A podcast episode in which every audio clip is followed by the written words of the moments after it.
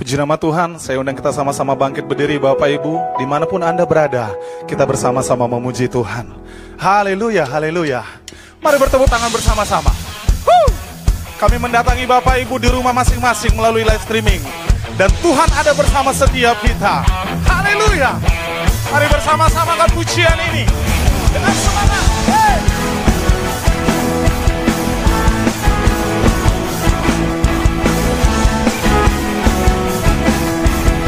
Angkat pujian bersama dengan kami Bapak Ibu.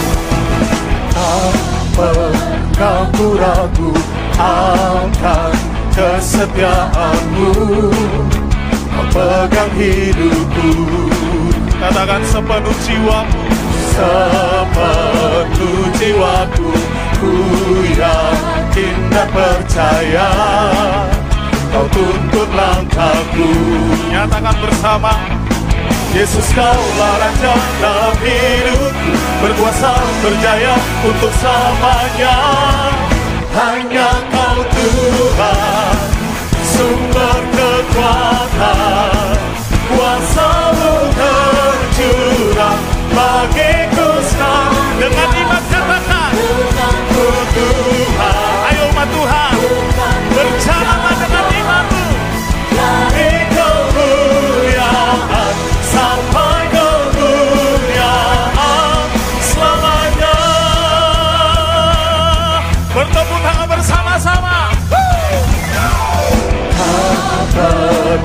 ku ragu akan kesetiaanmu Dia Tuhan yang memegang setiap kita. Sepenuh jiwa. Sepenuh jiwaku Ku yakin dan percaya Kau tuntun langkahku Yesus, Yesus. Yesus kaulah Raja dalam berjaya untuk selamanya Hanya kau Tuhan Sumber kekuatan Kuasamu tercurah Bagiku senang Denganmu Tuhan. Denganmu Tuhan Ayo berjalan. Makin hari makin kuat bersama Tuhan. Kemuliaan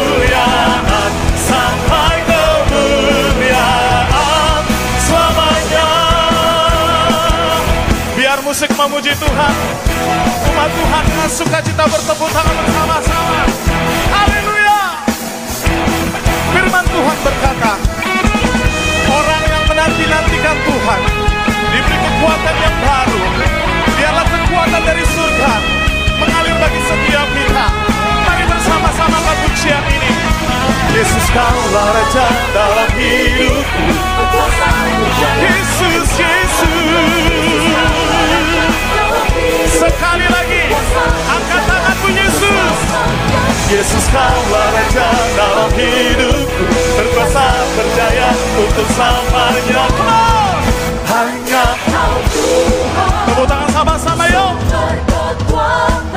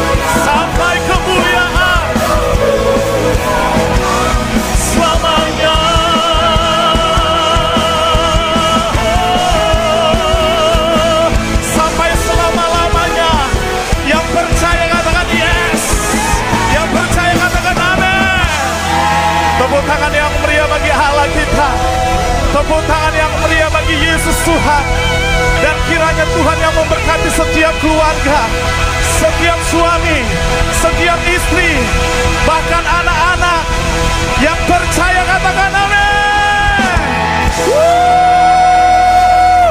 Badai pasti berlalu. Engkau akan menerima kemenangan itu. Haleluya. Silakan duduk Bapak Ibu di mana pun engkau berada. Kami mau diam di dalam hadirat-Mu Tuhan. Menikmati kebaikan-Mu. Menikmati kasih setia-Mu.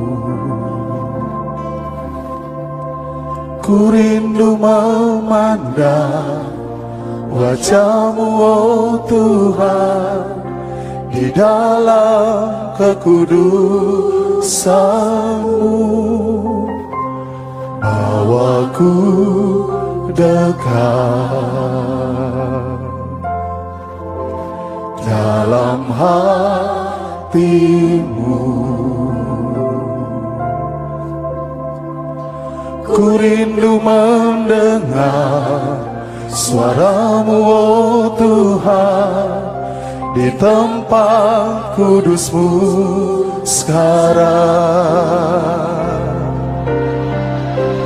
Ku rasakan kasihmu dan indahnya kekudusanmu. Duhi dengan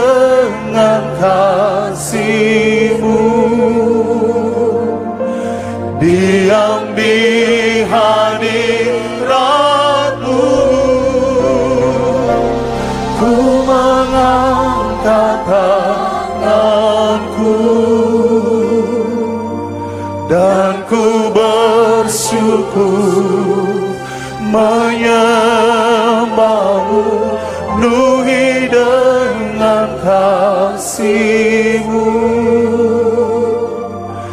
Diam di hadiratmu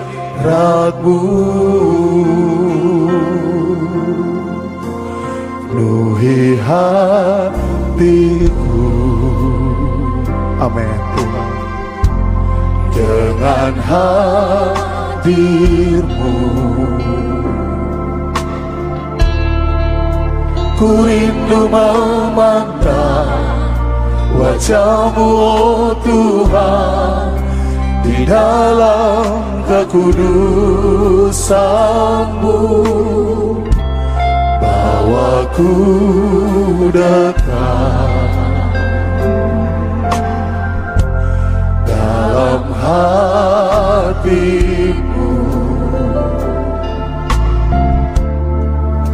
Ku rindu mendengar suaramu oh Tuhan. Di dapat kudusmu sekarang. Ku rasakan kasihmu.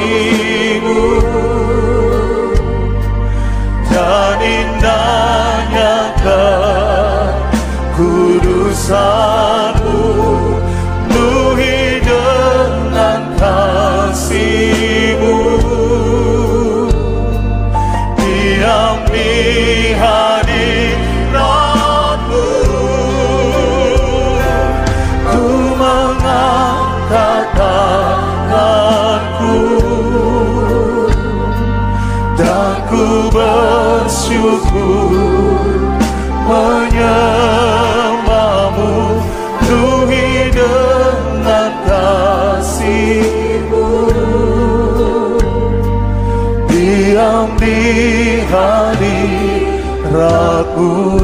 yang wanita angkat pujian ini.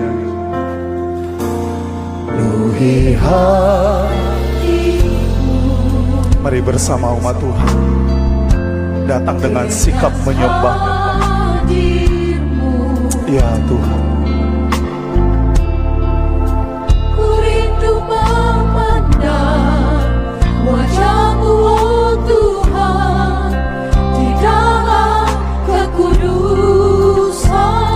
pria bersama-sama Bawaku dekat. Dalam hatimu. Ku rindu mendengar Suaramu oh Tuhan. Di tempat kudusmu sekarang.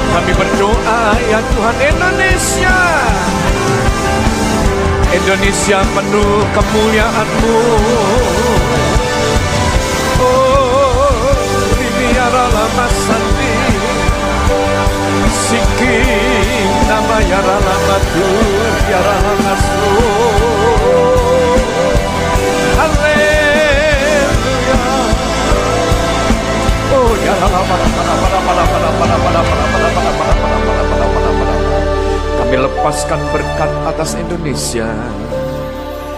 Biarlah damai-Mu ya Tuhan, kesejahteraan yang daripadamu memenuhi jalan-jalan, rumah-rumah yang ada di kota kami, ada di negeri kami.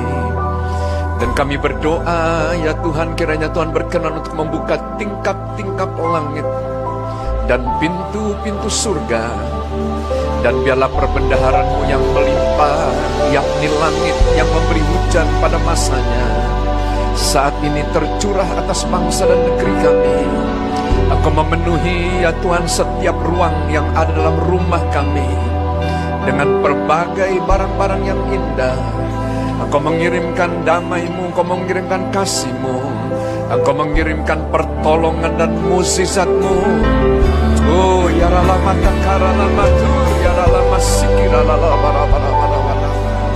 Kami berdoa ya Tuhan biarlah berkat sabat turun atas setiap kami. Engkau memberkati ya Tuhan pekerjaan kami, Engkau memberkati pelayanan kami.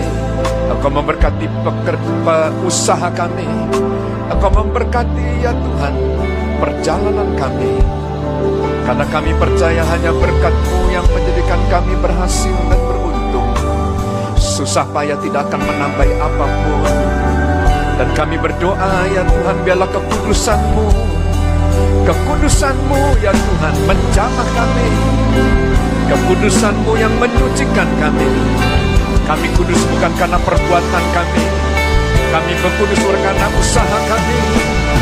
Tapi oleh karena Engkau Allah yang kudus Kau menjamah kami, Kau memenuhi kami, dan Kau menguduskan kami oleh karena namamu ya Tuhan.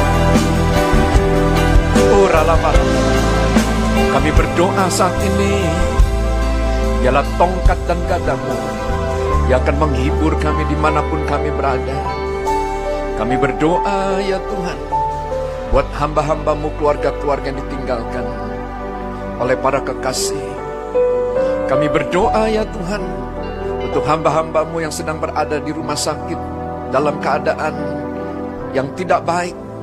Kami berdoa ya Tuhan untuk para perawat, para dokter yang ada di lini yang paling depan untuk berperang menghadapi COVID-19.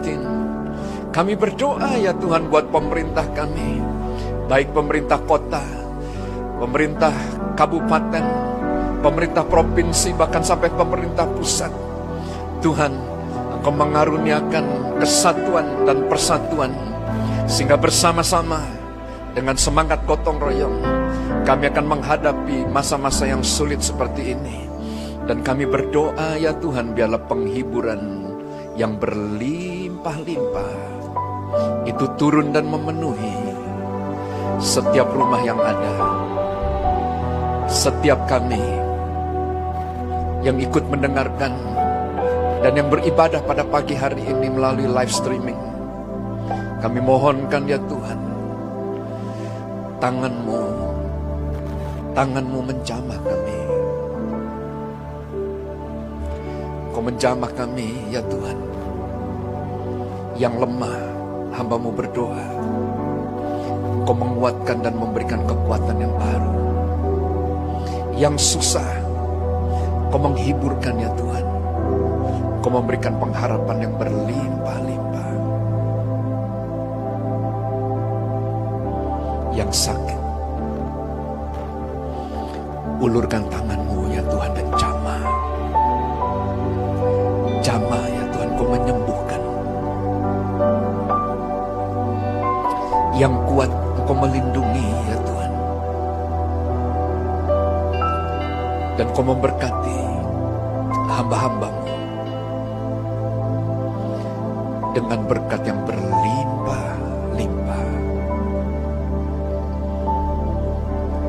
Kirimkan damaimu untuk memerintah atas pikiran dan hati kami. Kau memenuhi lidah bibir kami dengan pujian dan penyembahan. Urapi kami ya Tuhan, urapi. Ini doa kami. Dalam nama Tuhan Yesus. Amin, amin, amin, amin. Mari kita berikan tepuk tangan yang meriah buat Tuhan. Ku cinta Yesus lebih dari segalanya. Ku duduk dekat mendengarkannya.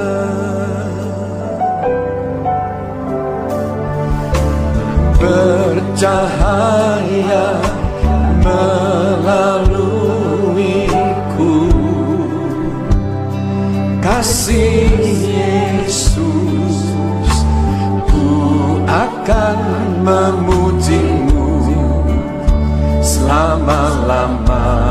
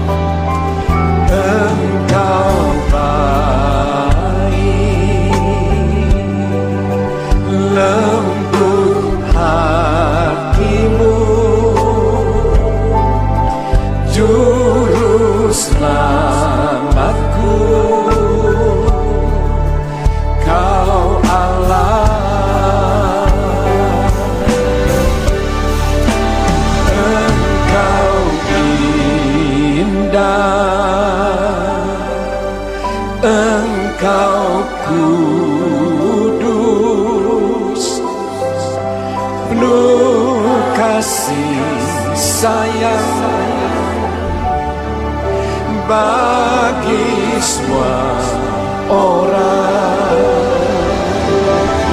Engkau baik lembut hatimu?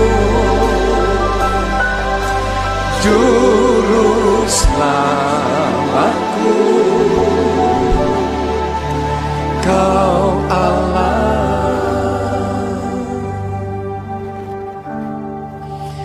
kami berdoa ya Tuhan sebagaimana Tuhan berjalan bersama-sama dengan kami di sepanjang minggu-minggu yang telah berlalu maka kiranya Tuhan berkenan untuk berjalan kembali bersama-sama dengan kami.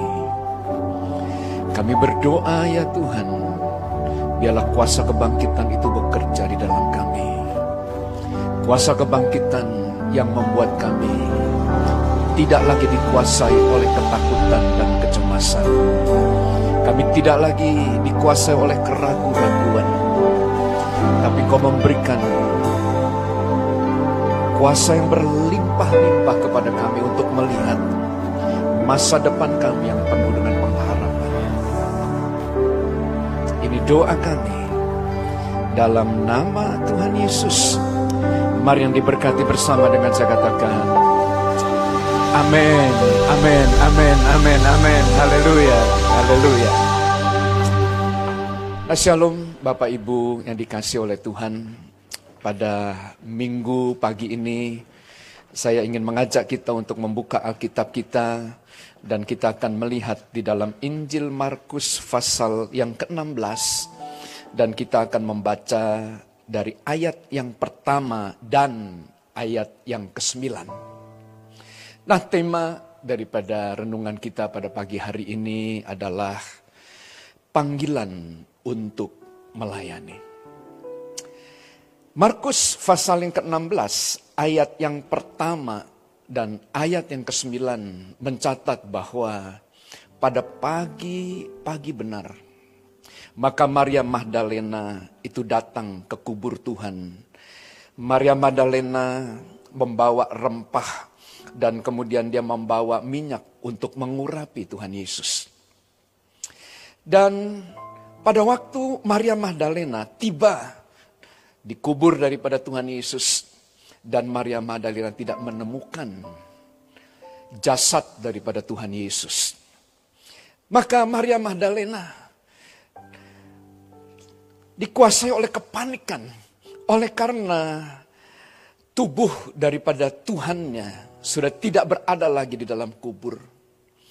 Di dalam kepanikannya, maka kemudian saudara, Yesus, Yesus pada waktu itu, dia berkata kepada Maria, Maria, Maria.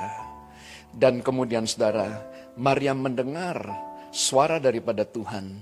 Dan Alkitab mencatat untuk kali yang pertama, orang yang pertama yang dilawat oleh Tuhan, yang melihat kebangkitan daripada Tuhan Yesus, itu adalah Maria Magdalena. Bapak Ibu yang dikasih oleh Tuhan, di dalam di dalam kisah para rasul maka dokter Lukas ini mencatat dalam pasal yang pertama setelah Yesus bangkit daripada antara orang mati maka selama 40 hari Tuhan mencari murid-muridnya dan Tuhan menyatakan kebangkitan daripada antara orang mati. Saudara yang dikasih oleh Tuhan, pasca daripada penyalipan, maka dicatat di dalam Alkitab murid-murid dalam keadaan takut oleh karena Tuhan mereka, pemimpin mereka baru saja memperoleh hukuman mati. Dan Tuhan dikuburkan bersama-sama dengan orang mati yang lain tetapi tiba-tiba pada waktu mereka berada dalam satu ruangan yang tertutup. Mereka sama-sama kemudian ketakutan oleh karena mereka berpikir setelah pemimpin mereka jangan-jangan mereka juga akan ditangkap dan akan mengalami nasib yang sama seperti Tuhan mereka. Oleh sebab itu mereka kemudian bersama-sama diam dalam satu ruangan yang tertutup. Tetapi Tuhan datang kepada mereka dan perkataan yang pertama, maka Tuhan berkata shalom atas kamu. Maka tiba-tiba dari keadaan yang dicekam oleh ketakutan, mereka mulai melihat pengharapan bahwa Yesus pemimpin yang memimpin mereka, guru yang mengajar mereka, tidak tinggal di dalam dunia orang mati. Tapi Kristus bangkit daripada orang mati dan Kristus mengalahkan maut.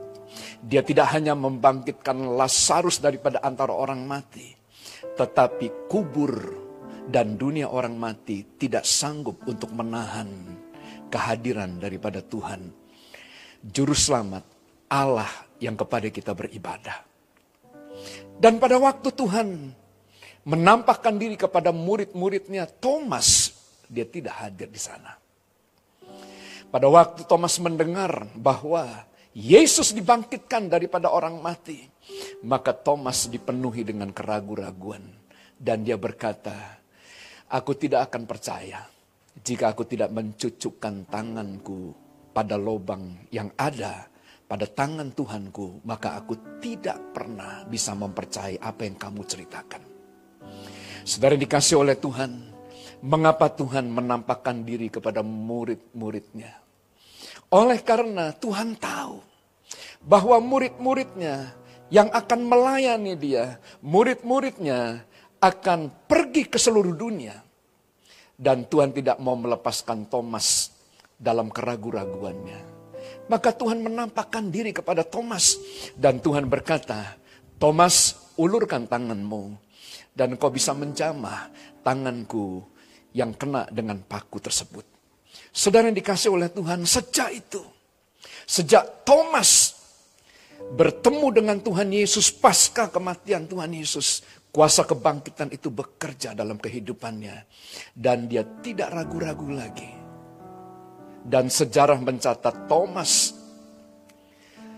Dia menyerahkan diri ke ladang misi. Dia terjun dalam pelayanan. Dia pergi ke India.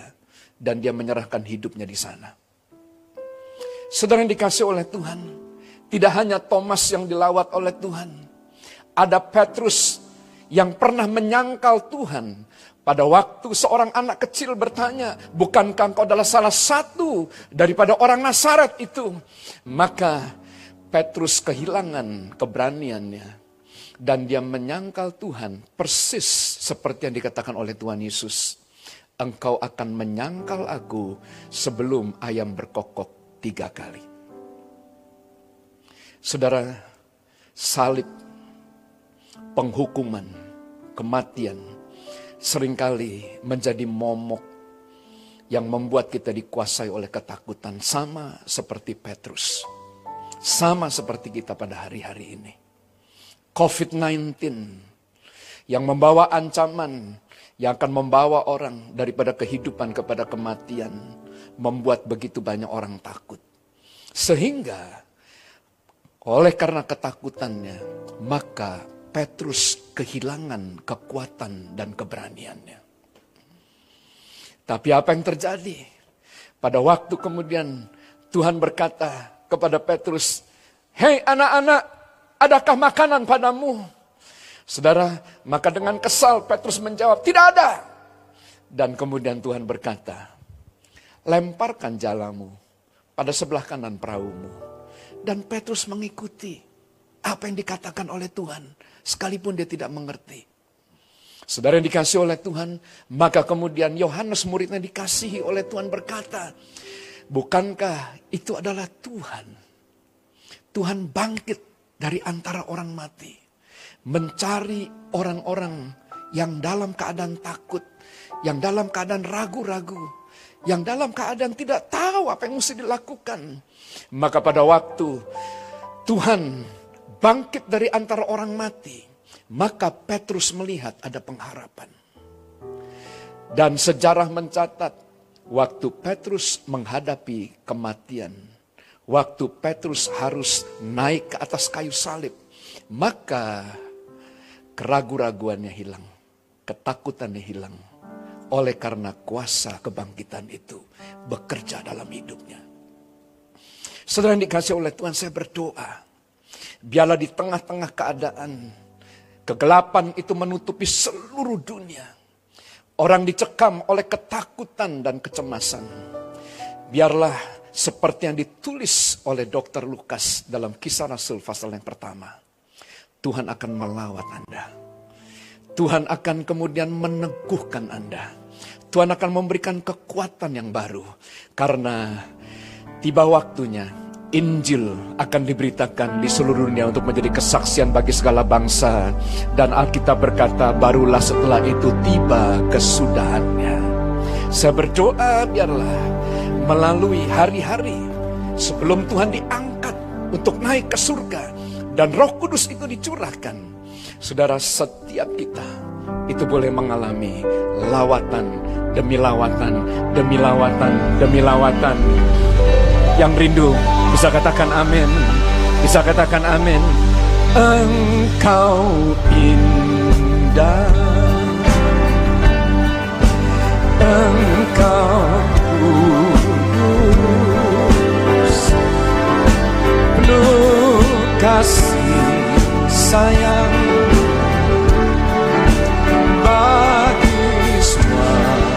orang.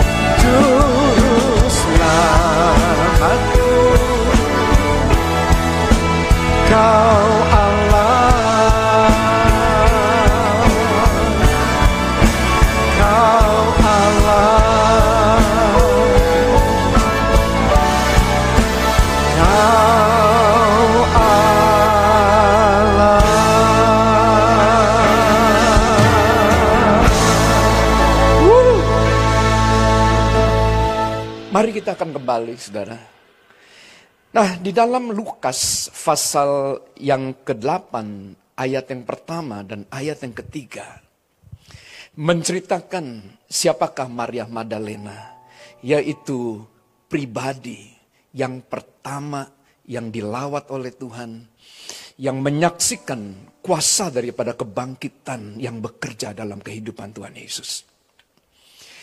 Nah, saudara dikasih oleh Tuhan, Lukas pasal yang ke-8 mencatat bahwa Maria Magdalena bukan datang dari keluarga yang miskin dan keluarga yang susah.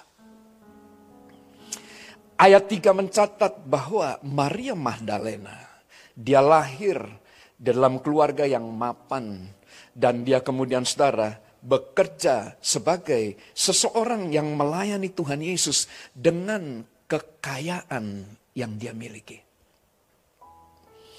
Bapak Ibu yang dikasih oleh Tuhan, tetapi Maria memiliki masa masa lalu yang kelam, masa lalu yang gelap.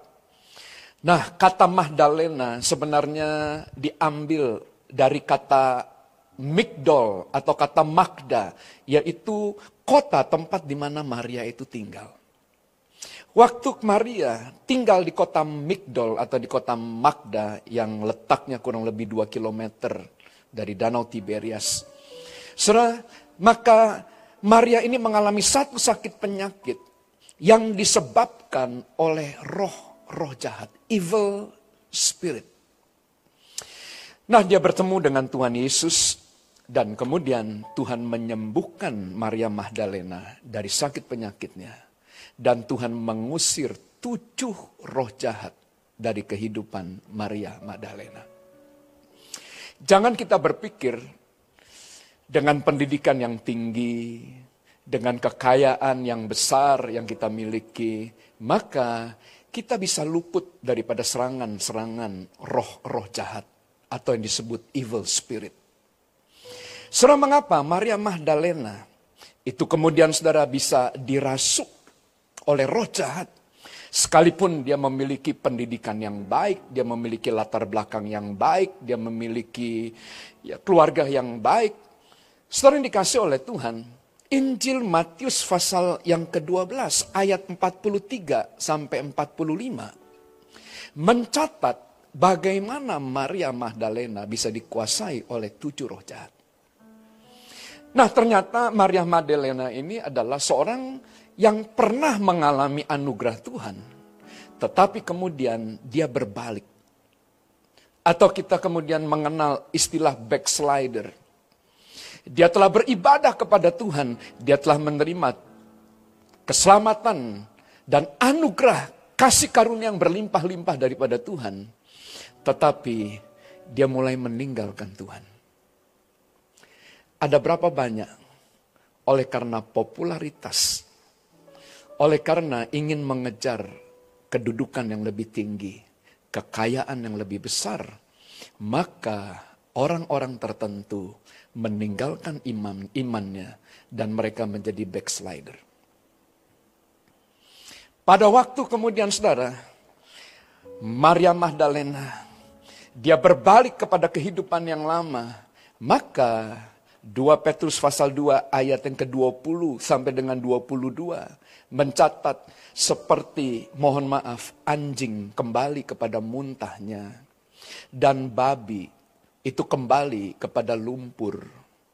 Maka demikianlah orang-orang yang pernah mengenal dan mengecap kebenaran, tapi kemudian mereka berbalik kembali.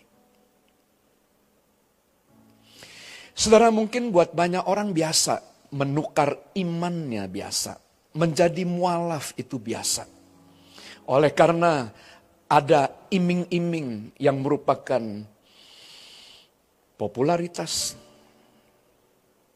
kenikmatan-kenikmatan oleh karena kekayaan dunia, dan lain sebagainya, membuat seseorang memperjualbelikan imannya. Sebab ibu yang dikasih oleh Tuhan, jangan main-main. Maria Magdalena pada waktu dia berbalik, maka apa yang terjadi? Alkitab mencatat, roh-roh jahat itu melihat rumah yang sudah bersih ini kosong dan tidak ada penghuninya. Maka kemudian roh yang telah keluar, saudara, dia membawa teman-temannya dan kemudian bertuju mereka mulai merasuk kembali dan kehidupan daripada Maria Magdalena tidak lebih baik daripada kehidupannya yang dulu. Tetapi dia justru terprosok lebih dalam. Dia masuk dalam lumpur dosa yang lebih dalam lagi. Saudara yang dikasih oleh Tuhan, bagaimana cara iblis itu bekerja dalam kehidupan kita?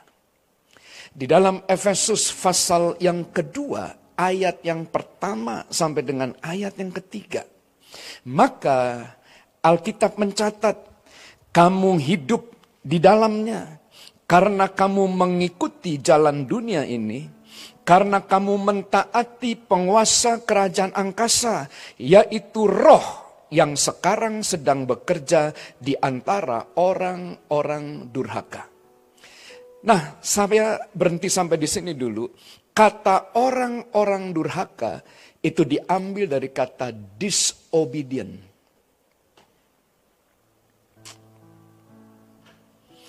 Saudara, Tuhan mengajarkan kepada kita semuanya supaya kita mentaati dan menghormati pemimpin-pemimpin kita.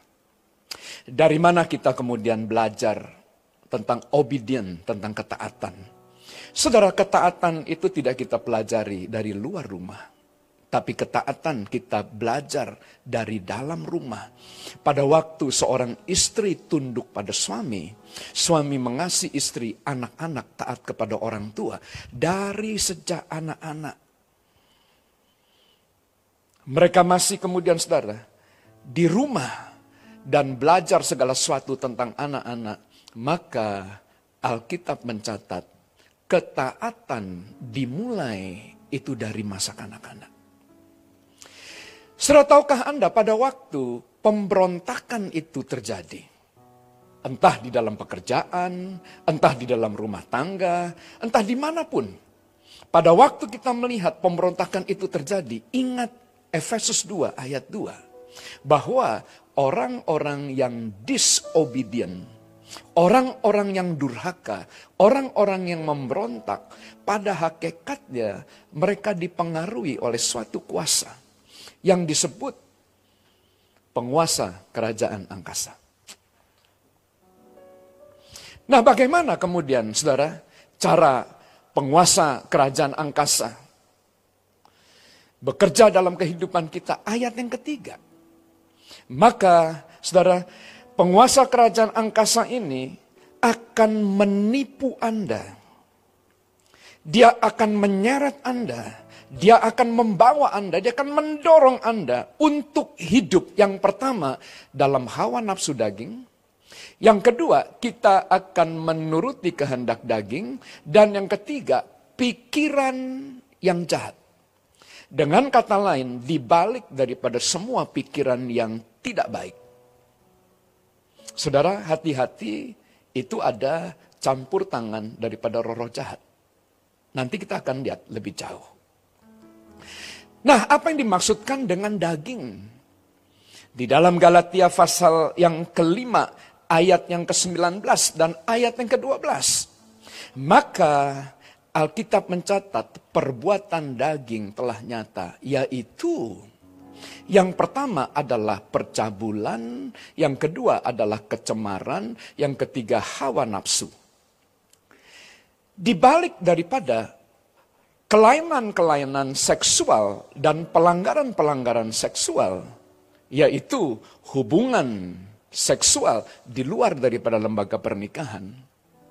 Maka dengar, ini jangan main-main. Anda boleh boleh memiliki pendidikan yang tinggi, Anda boleh memiliki kekayaan yang besar sama seperti Maria Magdalena. Tapi bukan berarti kemudian roh-roh jahat tidak bisa menguasai Anda. Anda boleh pakai kalung salib. Anda boleh memakai dan kemudian menggantung ornamen-ornamen salib di dalam rumah Anda.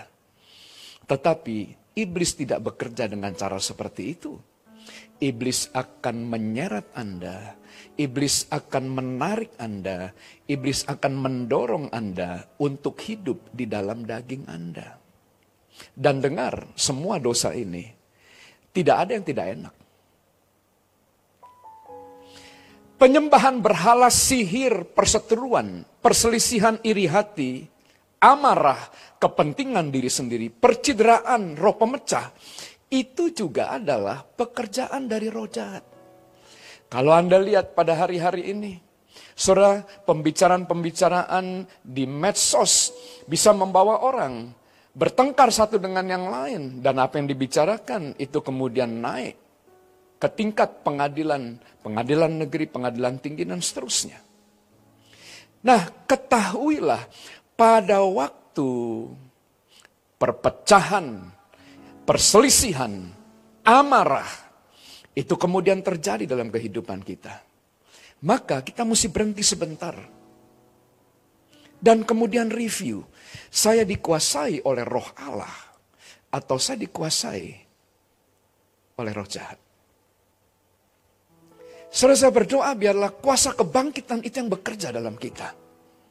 Sehingga kita tidak memberikan kesempatan kepada iblis untuk mengambil keuntungan dari kehidupan kita. Bisa katakan amin? Bisa katakan amin?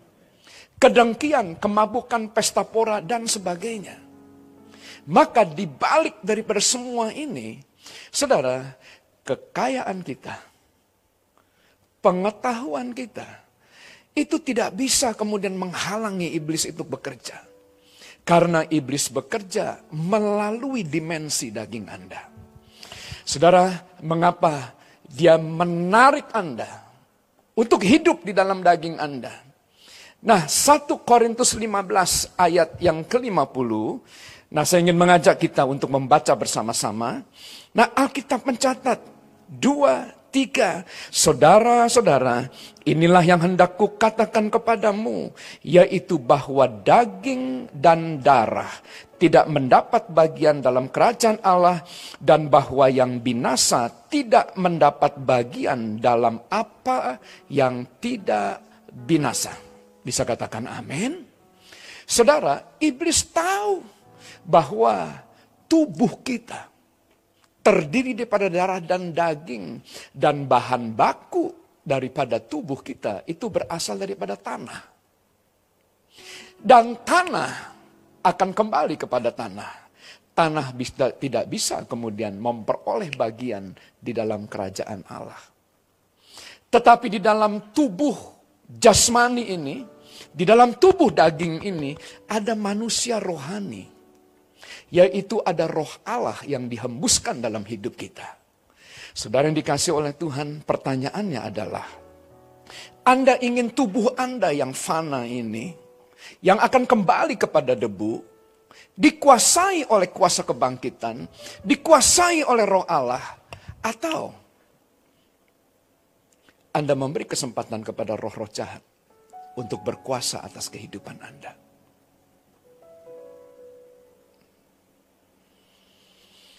Saya harapkan tidak ada seorang pun dari antara kita yang memberi kesempatan kepada roh jahat untuk bisa menggunakan kehidupan kita. Tapi biarlah kuasa kebangkitan yang akan memenuhi saudara semuanya, yang akan bekerja dalam saudara, sehingga Anda tidak dikuasai lagi oleh yang jahat. Kita tidak lagi dikuasai oleh roh-roh jahat yang mau katakan amin. Berikan tepuk tangan yang meriah buat Tuhan. Engkau indah. Engkau kudus penuh kasih sayang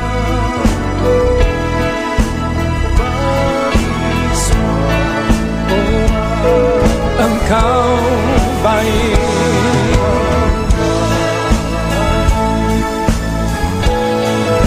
lembut hatimu. Juru selamatku. Kau Allah. Nah saya minta musik mainkan perlahan-lahan. Nah kita akan lihat saudara. Ada beberapa contoh di dalam Alkitab. Dan saya harap bahwa contoh-contoh ini akan membuka mata kita untuk bisa melihat. Yudas, saudara, dicatat ini adalah seorang yang dipercaya oleh Tuhan untuk memegang keuangan daripada pelayanan Jesus Ministry. Saudara, bendahara-bendahara dari Herodes melayani Tuhan dengan kekayaan mereka. Maria Magdalena dan orang-orang kaya yang lain melayani pelayanan daripada Tuhan Yesus dengan kekayaan mereka. Saudara saya percaya ada begitu banyak perputaran uang yang ada. Dan dari 12 murid, maka Yudas itu dipercaya. Saudara saya percaya Tuhan tidak pernah salah dalam memilih. Tetapi pada waktu kemudian Yudas melihat, wah perputaran uang yang luar biasa. Harta yang dimiliki oleh Tuhan yang luar biasa. Maka hatinya, hatinya kemudian berubah. Dia tidak lagi mau beribadah kepada Tuhan, tapi dia mulai beribadah kepada Mamon, dia mulai mencari Mamon. Oleh sebab itu Alkitab katakan, oleh sebab cinta akan uang, maka manusia itu berakar dalam segala kejahatan. Dan apa yang terjadi pada waktu Yudas lebih mementingkan mamon dibandingkan Tuhan. Maka dicatat waktu Perjamuan kudus itu terjadi. Bukan roh Allah yang memenuhi dia. Tetapi dia dirasuk oleh iblis. Dan kita tahu apa yang dilakukan oleh Yudas. Dia menjadi seorang pengkhianat. Kita mengerti mengapa pengkhianatan itu selalu ada. Saya ingat apa yang dikatakan oleh Ibu Mega pada waktu Pak Jokowi itu masuk ke dalam peristana presiden. Maka Ibu Mega berkata, jangan melihat apa yang kelihatan. Tapi perhatikan bahwa di dalam istana ada begitu banyak pengkhianat-pengkhianat. Tahukah Anda bahwa di balik daripada pengkhianatan-pengkhianatan yang ada, itu bukan oleh karena orang itu terlalu pinter untuk bisa kemudian mengelabui pimpinan-pimpinan yang ada. Oh. Alkitab mencatat. Waktu Yudas kerasukan iblis, maka pengkhianatan itu lahir dan muncul. Next. Saul, saudara, dia juga kemudian dirasuk oleh roh jahat. Nah, oleh sebab itu dia harus memanggil Daud untuk mainkan alat musik. Karena waktu Daud memainkan alat musik, dicatat Allah hadir. Waktu Allah hadir, maka roh jahat yang ada pada Saul itu meninggalkan Saul. Surah mengapa seorang raja Saya ambil contoh ini, ya jangan kita pikir kalau kita kemudian orang nomor satu, kita bebas daripada iblis. Saul itu raja. Dia diurapi. But, pengurapan Tuhan meninggalkan dia. Saya mau beritahu, waktu Tuhan mengurapi seseorang, semua orang tahu bahwa dia adalah orang yang diurapi. Tetapi, waktu pengurapan itu meninggalkan dia Even dia sendiri pun tidak tahu. Sama seperti Saul. Bagaimana kita tahu orang yang diurapi, ditinggalkan oleh pengurapannya? Saudara lihat, roh jahat itu mulai mengganggu dia. Jadi kalau ada saudara pendoa-pendoa ya yang sering kali saya dengar saudara di YouTube kesaksian-kesaksiannya diganggu oleh roh jahat, ya hati-hati. Mm -mm posisi Anda akan menentukan Kalau Anda berada di ruang yang maha kudus bersama dengan Tuhan, percayalah, roh jahat tidak bisa menjamah Anda. Karena roh jahat harus tunggu di luar daripada ruang kudus. Tetapi kalau posisi kita, saudara, ada di luar daripada ruang kudus, maka jangan heran kalau kita diganggu oleh roh jahat. Penglihatan-penglihatan kita selalu kita bertemu dengan roh-roh jahat. Kita jarang bertemu dengan malaikat. Kita jarang bertemu dengan hal-hal yang kudus, dengan hal-hal yang suci.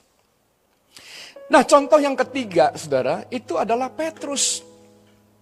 Tuhan bertanya kepada Petrus, kalau menurut kamu siapakah aku? Maka murid-murid tidak ada yang bisa menjawab. Tiba-tiba Petrus berdiri dan berkata, engkaulah Mesias anak Allah yang hidup. Dan Tuhan berkata, benar apa yang kau katakan. Tapi Petrus ketahui, Bapakku yang di surga, itu yang memberitahu kepada kamu bahwa akulah Mesias. Saudara, Petrus tiba-tiba dikuasai oleh roh Allah dan dia memperoleh pewahyuan dan pengilhaman. Nah sering kali Anda lihat kita hamba-hamba Tuhan sering kali dipercayakan pewahyuan-pewahyuan tentang hal-hal yang sukar yang ada dalam Alkitab. Tetapi jangan Anda pikir bahwa iblis tidak bisa mempengaruhi kita. Nah, tiba-tiba kemudian Tuhan bercerita dia harus mengalami penderitaan. Dia harus kemudian naik ke atas kayu salib. Maka Petrus mulai menarik Tuhan. Dan Petrus menegur Tuhan. Sekali-kali hal itu tidak akan menimpa kamu. Saudara, Anda lihat berapa banyak hamba-hamba Tuhan yang menolak pengajaran tentang penderitaan. Padahal Alkitab berkata Tuhan panggil kita untuk memikul salib kita dan menyangkal diri kita setiap hari. Tapi ada kemudian hamba-hamba Tuhan yang mengenyampingkan tentang penderitaan. Oh, jangan itu terjadi. Kamu ikut Tuhan, kamu akan diberkati. Kamu ikut Tuhan, kamu akan dicukupi. Kamu ikut Tuhan, dia jalan keluar buat kamu. Hal-hal yang tidak menyenangkan ini tidak akan mungkin terjadi. Wait a minute. Wait a minute. Waktu Petrus berpikir dengan pikiran-pikiran dagingnya. Saudara apa yang terjadi? Yesus berbalik dan Yesus berkata, Enyahlah iblis, engkau suatu batu sandungan bagiku. Sebab engkau memikirkan apa yang di, engkau bukan memikirkan apa yang dipikirkan Allah. Tetapi engkau memikirkan apa yang dipikirkan manusia. Saudara yang dikasih oleh Tuhan. Good idea. Not God's idea. Seringkali kita berpikir ini yang paling bagus. Kamu harus seperti ini. Kamu mesti lakukan ini. Wait a minute. Wait a minute. Belum tentu. Belum tentu. Belum tentu itu ide Tuhan. Untuk mengenal, untuk mengetahui Apakah ini ide daripada Tuhan atau bukan? Saudara Anda perlu pertolongan dari para kletos. Pertolongan daripada roh kudus.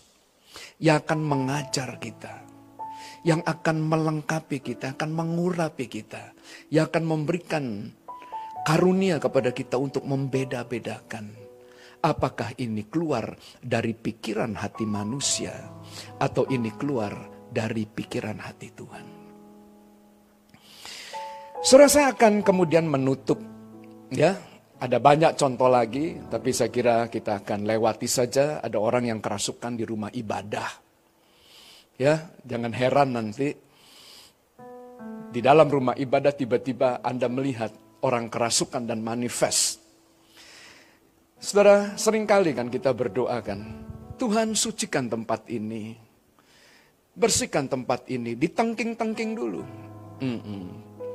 Tetapi Anda lihat, Tuhan hadir, iblis juga berani hadir.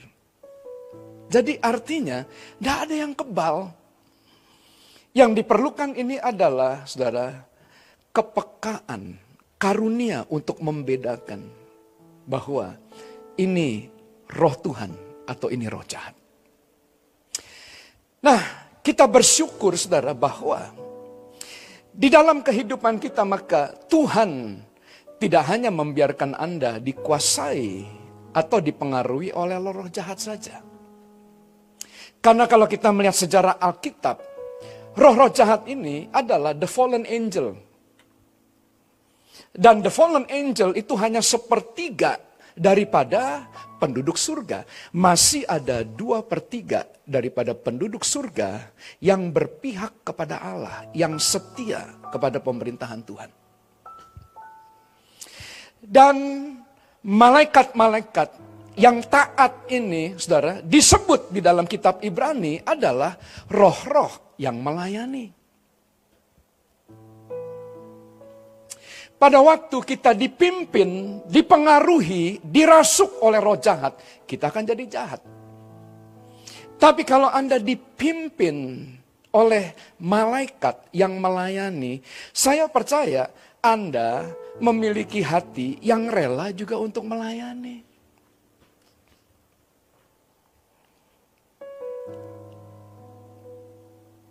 Saudara kita bisa melihat kondisi daripada kehidupan kerohanian seseorang, yaitu dengan melihat roh apa yang menguasai kehidupan orang itu. Setiap orang paling sedikit memiliki satu malaikat yang disebut the guardian angel. Ingat pada waktu penyesat itu kemudian saudara ya ada di muka bumi ini maka Tuhan berkata kepada murid-murid Eh, kamu jangan jangan main-main dengan anak-anak. Karena ada seorang malaikat yang diutus oleh Bapa untuk menjaga anak-anak di mana pun mereka berada. Dan malaikat ini 24 jam matanya tertuju kepada Tuhan. Ada the guardian angel. Tetapi pemazmur itu mencatat bahwa orang-orang yang takut akan Tuhan, maka Tuhan tidak mengirimkan satu malaikat. Karena kita berkata begini, malaikat Tuhan berkemah di sekeliling daripada orang-orang yang takut akan Tuhan. Artinya ada banyak angels, ada banyak malaikat itu yang melayani kita. Ada banyak kemudian malaikat yang melindungi kita. Nah saudara, pertanyaannya, bagaimana Anda mengundang malaikat itu hadir dalam hidup Anda? Nah maka contoh-contoh Alkitab, Hakim-Hakim 13, 20, 1 Tawari 21 ayat 26 dan 27, Lukas pasal pertama ayat 11, dan masih ada banyak lagi contoh yang lain. Dicatat di dalam Alkitab setiap kali, setiap kali seseorang itu membangun mesbah buat Tuhan. Mereka membawa korban ucapan syukur, korban keselamatan. Dan mereka mulai membakar korban itu kepada Tuhan. Maka apa yang terjadi? Malaikat hadir di sana oleh karena mesbah ini adalah meeting points between heaven and earth. Waktu Anda mulai membangun mesbah, maka Anda mulai membuka pintu rumah Anda. Supaya kemudian roh-roh yang melayani itu hadir. Pada waktu Tuhan memimpin orang Israel keluar dari tanah Mesir.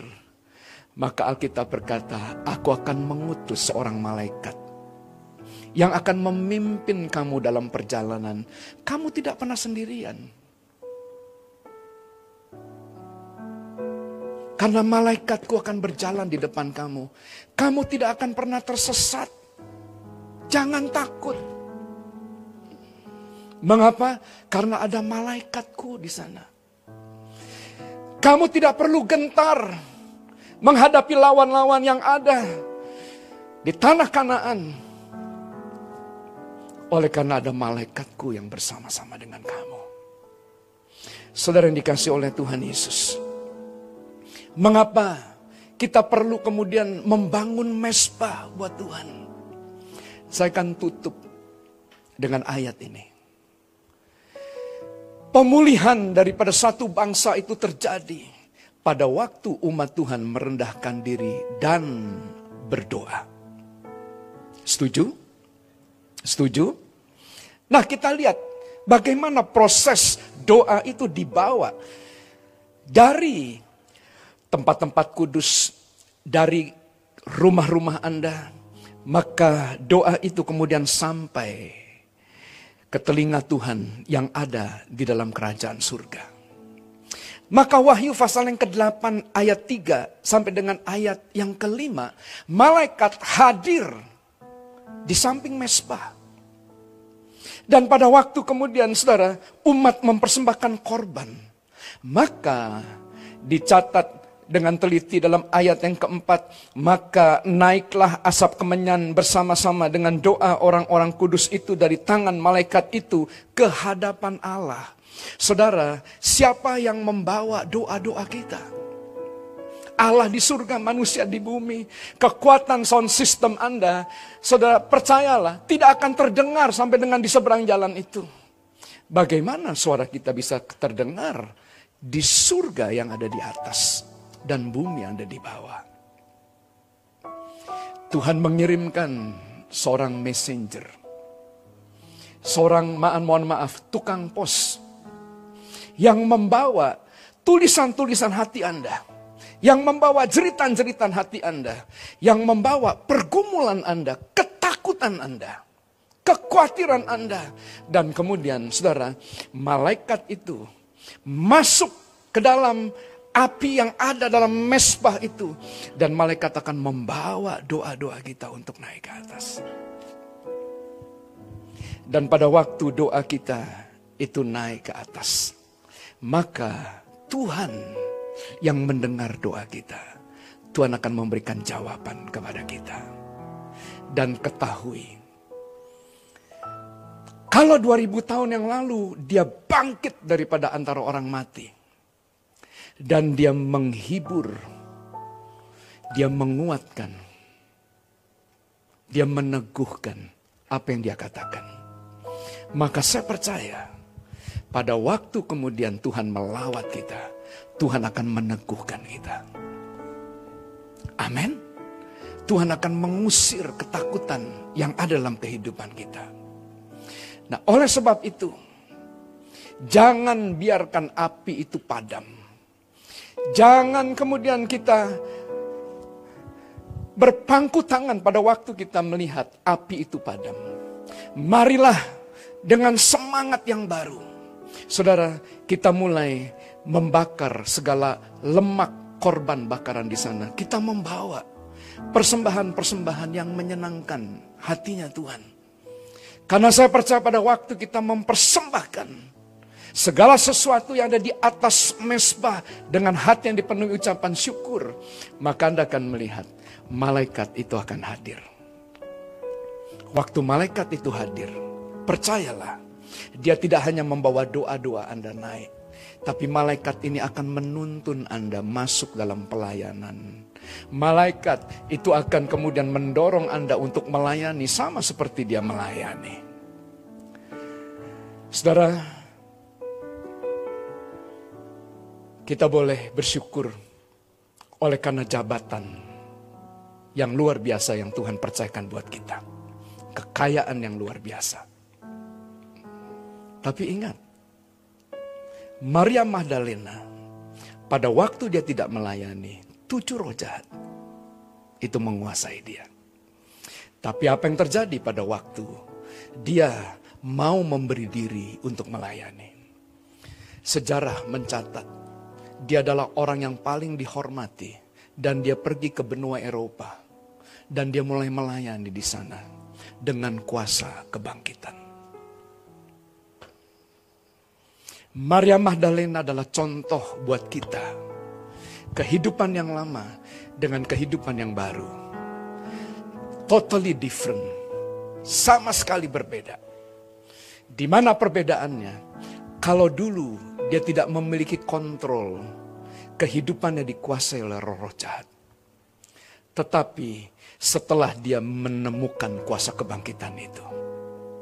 Seluruh hidupnya berubah. dia tidak pernah dikuasai lagi. Tetapi dia mulai masuk dalam pelayanan dan dia mulai melayani. Saya percaya lebih lagi. Dia tidak hanya melayani Tuhan dengan kekayaannya, tapi dengan hidupnya dia melayani Tuhan. Hari ini, berapa banyak saudara yang mau dilawat oleh kuasa kebangkitannya? Jangan hanya duduk diam saja. Datang ke gembala Anda. Dan kemudian saudara, mulai berbicara dengan gembala Anda. Apa yang Anda bisa lakukan? Kalau Anda adalah seorang yang memiliki talenta dalam bidang musik, jangan hanya duduk dalam gedung dalam dalam dalam gedung gereja saja. Nah, mari biarlah malaikat memimpin kita dengan roh yang rela untuk melayani. Bisa katakan amin? Saya kita untuk bangkit berdiri. Ada satu lagu yang berjudul All My Days. Mari hamba-hamba Tuhan. Saya minta kunci A. Biarlah hidupku bagimu sebagai pujian yang berkenan dalam perbuatanku dan perkataanku. Ku sembah kau Tuhan selalu. Aku kan bernyanyi setiap pagi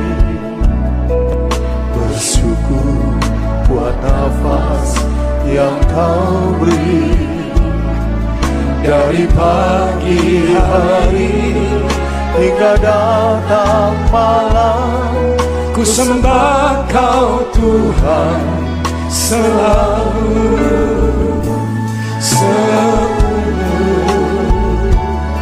hidupku.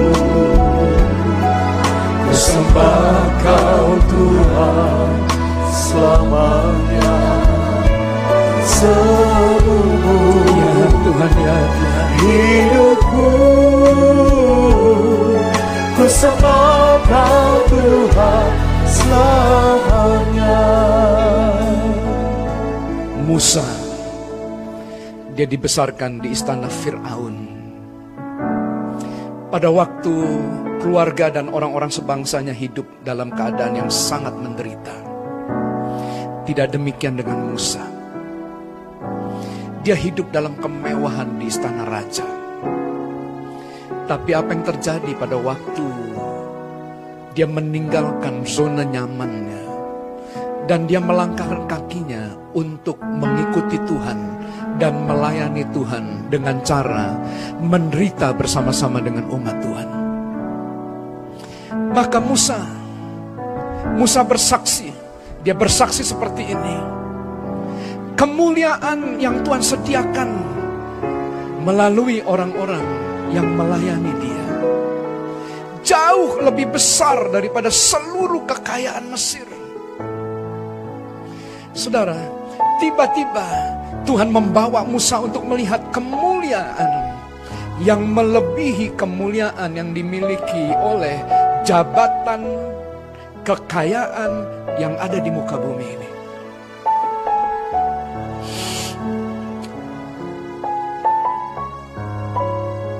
Percayalah, Tuhan tidak pernah curang dengan kita. Pemasmur mencatat bahwa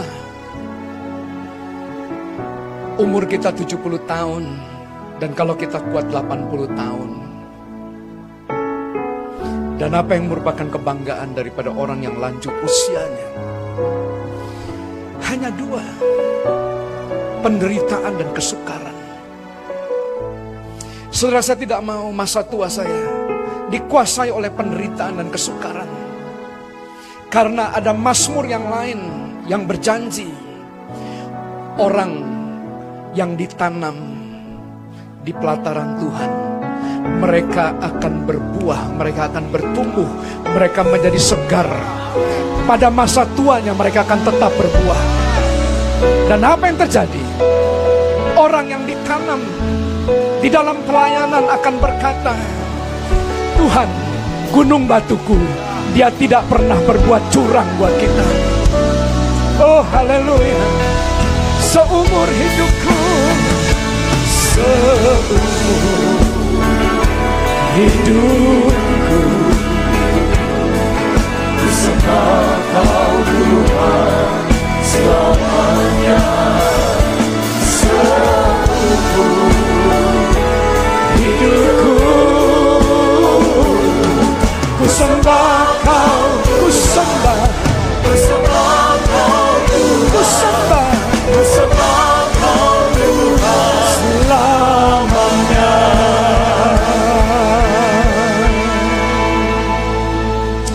Tuhan firmanmu telah hambamu sampaikan dengan cara yang sangat sederhana. Dan saat ini hambamu berdoa ya Tuhan Bagi setiap kami Yang mengambil keputusan Sama seperti Maria Magdalena.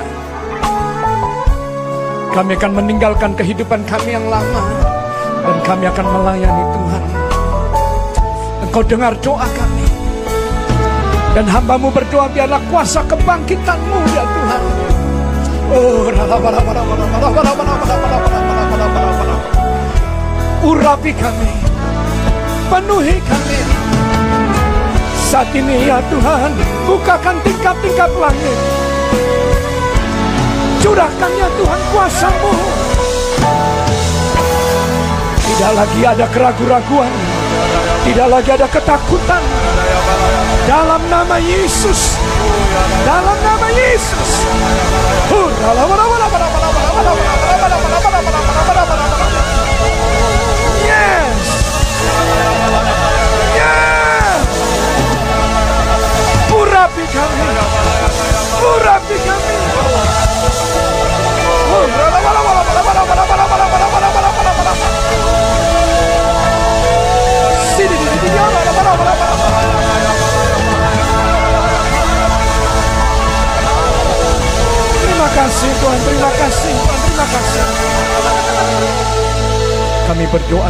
Buat pemerintahan kami dari pusat sampai dengan ke daerah.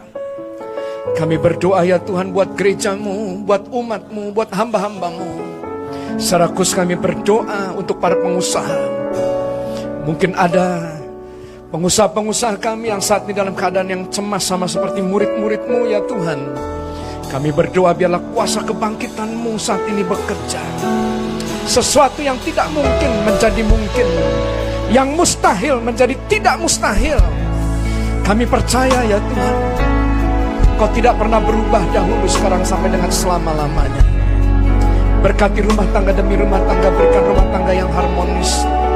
Suami mengasihi istri, istri tunduk pada suami, anak-anak taat kepada orang tua.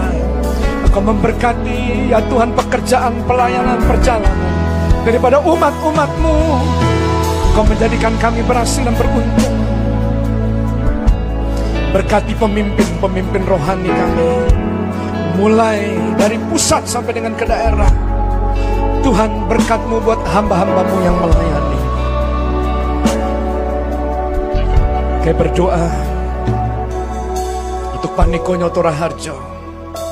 Kami berdoa buat Pak Edi Prayitno beserta dengan seluruh keluarga besar, keluarga besar Gatot Subroto dan keluarga besar GBI Medan Plaza. Tuhan berkati hamba-hambamu dengan berlimpah-limpah. Kalau sebentar kami akan kembali ke rumah kami masing-masing, ulurkan tanganmu. Sudah dikasih oleh Tuhan Yesus pulanglah. Bawalah anugerah damai sejahtera yang berlimpah-limpah daripada Allah Bapa di surga. Di dalam putranya yang tunggal Tuhan Yesus Kristus. Serta persekutuan roh kudus menyertai selalu menjadi hari ini. Sampai Maranatha bahkan sampai selama-lamanya. Yang percaya dan diberkati bersama dengan saya katakan.